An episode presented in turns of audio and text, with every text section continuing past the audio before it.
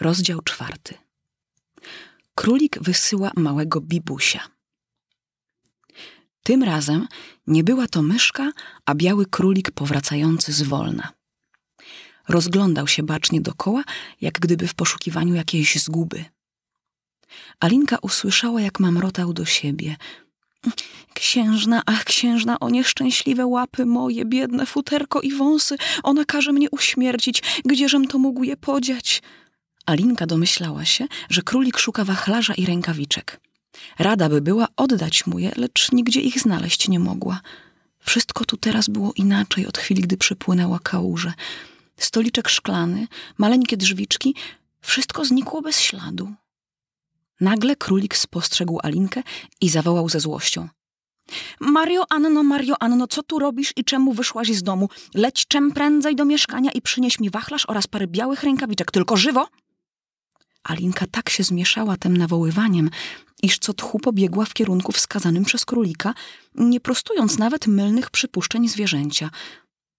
Najwidoczniej wziął mnie za swoją służącą, szeptała sama do siebie. Jakże będzie zdziwiony, gdy się dowie, kim jestem, lecz trzeba wyszukać ten wachlarz i rękawiczki, oby mnie tylko znalazła. Snując podobne myśli, doszła do małego, schludnego domku. U drzwi wisiała tablica mosiężna z wyrytym na niej dużymi literami napisem B. Królik. Weszła do wnętrza. Z pośpiechem wbiegła na wschody, z obawą, że może spotka ową Marię Annę i ta ją wypędzi, zanim zdoła odszukać wachlarz i rękawiczki. Jakże, bo to dziwne, mówiła. Ale spełniam polecenia królika. Niedługo i moja Dina poruczy mi swoje sprawy znalazła się w małym, schludnym pokoiku. U okna stał stół dębowy, a na nim, jak tego oczekiwała, leżał wachlarz oraz dwie czy trzy pary białych, maleńkich rękawiczek kozłowych. Alinka szybko schwyciła wachlarz i jedną parę rękawiczek i właśnie miała opuścić pokój, gdy widok jej padł na maleńką buteleczkę stojącą w pobliżu na konsolce. Co prawda nie było na niej napisu wypij mnie, lecz Alinka, jakkolwiek z pewną obawą, lecz wiedziona ciekawością, otworzyła flaszeczkę i przytknęła ją do ust. Z pewnością nastąpi coś zajmującego, rzekła do siebie. Tak jak to bywa dotychczas, ilekroć zjem lub wypiję cośkolwiek.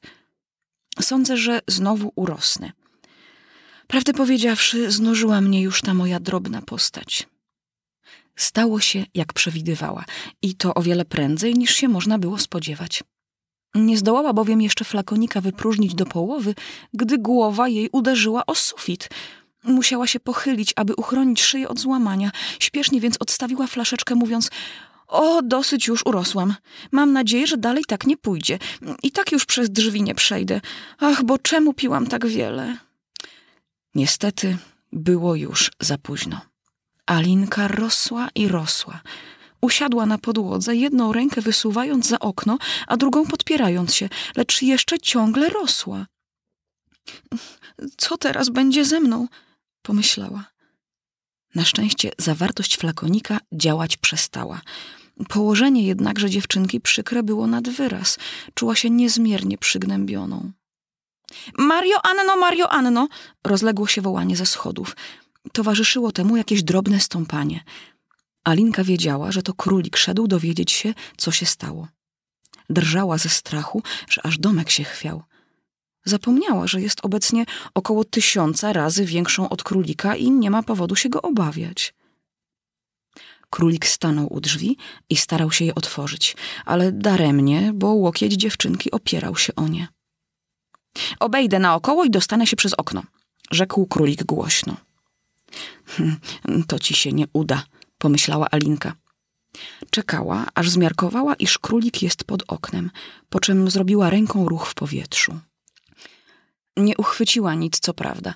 Usłyszała jedynie drobny pisk oraz brzęk tłuczonego szkła, a uszu jej dobiegła rozmowa. Pat, pat, gdzie jesteś? Głosik zaś, którego dotąd nie słyszała, odpowiedział. E, jestem tutaj, układam jabłka na zimę. Lepiej byś pomógł wydostać mi się stąd. Po czym nastąpił ponowny brzęk tłuczonego szkła. A teraz powiedz mi, kto tam jest w oknie? E, to jest ręka, na honor. Ręka, o dudku. Któż widział rękę takich rozmiarów? Wszak zapełnia całe okno. E, nie przeczę, jednak jest to ręka, powtórzył głosik piskliwy. E, być może, w każdym razie jest ona tam zbyteczną, więc usuń ją, proszę. Kiedy nie mogę, nie mogę. Rób jak ci każe tchórzu, wołał królik. Teraz dziewczynka silnie poruszyła ręką. Tym razem rozległy się dwa ach i nowy brzęk tłuczonego szkła. Ciekawa rzecz, co teraz uczynią, aby się mnie pozbyć. Życzę im powodzenia, bo pozycja moja nie jest wcale wygodna. Nasłuchiwała jakiś czas. Wreszcie doszedł ją szmer, jak gdyby kół uwozu oraz dźwięk rozlicznych głosów prowadzących ożywioną rozmowę. Wtem dobiegły ją słowa. E, gdzie jest druga drabina? Wszak Bibuś miał przynieść drugą. E, daj ją tu, kochanie. Tak, odstawcie ją do kąta, albo lepiej powiązać je razem. Nie sięgają jeszcze dość wysoko. E, Bibuś, nie bądź dziwny, chwyć tę linę. Czy dach wytrzyma? Baczność, tam obluźniła się jedna dachówka. Ach, już spada baczność, pochylić głowy. Głośny huk. Kto to zrobił? Pewno Bibuś. Nie, to nie ja. Ty, ty na pewno. Bibuś, słuchaj, pan mówi, żebyś wszedł przez komin. Więc Bibuś wejdzie tu przez komin, pomyślała Alinka. Czemu oni wszystko na niego składają? Nie chciałabym być w jego skórze. Wysunęła nogę i czekała do chwili, gdy odróżniła w kominie szurganie i wdrapywanie się jakiegoś małego zwierzątka. To jest Bibuś, pomyślała i silnie kopnęła nogą, nasłuchując, co dalej będzie. Niebawem rozległy się trwożliwe nawoływania. Bibuś, Bibuś spada! Przez chwilę zapanowało milczenie, po czym ozwały się nowe nawoływania. Podtrzymajcie mu głowę, dajcie mu nieco wódki, nie trząść nim za bardzo. Co się stało z tobą, biedaku, co ci jest? Wreszcie słaby głosik odpowiedział.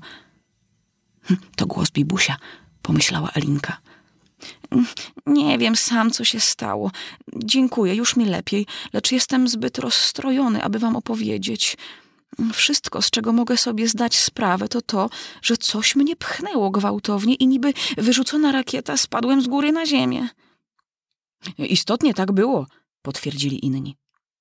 A zatem musimy podpalić dom, zawyrokował królik. Poważcie się tylko to uczynić, a niezwłocznie przyślę wam dinę, zawołała na cały głos Alinka. Znowu głuche zapanowało milczenie. Hm, ciekawam, co zrobią, myślała Alinka. Gdyby mieli rozum, rozebraliby przede wszystkim dach. Po chwili ruch rozpoczął się na nowo i dziewczynka usłyszała rozporządzenie królika. Taczka wystarczy na początek. Taczka czego? pomyślała. Lecz nie miała czasu długo się zastanowić. Deszcz drobnych kamiuszków wpadł przez okno, turkocząc i bijąc ją po twarzy. Muszę temu koniec położyć, powiedziała Alinka do siebie i zawołała głośno. Radzę wam zaprzestać. To sprowadziło nagłą ciszę. Leżąc bezczynnie, w braku innej rozrywki, dziewczynka przypatrywała się kamykom rozsypanym na podłodze. Któż zdolny opisać jej zdziwienie, gdy spostrzegła, że te kamyki zamieniają się w ciasteczka. Wesoła myśl zaświtała w jej umyśle. Muszę je skosztować. Niezawodnie znowu jakaś zmiana zajdzie w moim wzroście, a ponieważ niepodobieństwem jest, abym jeszcze urosła, zmaleję więc niezawodnie. I połknęła jedną krajankę.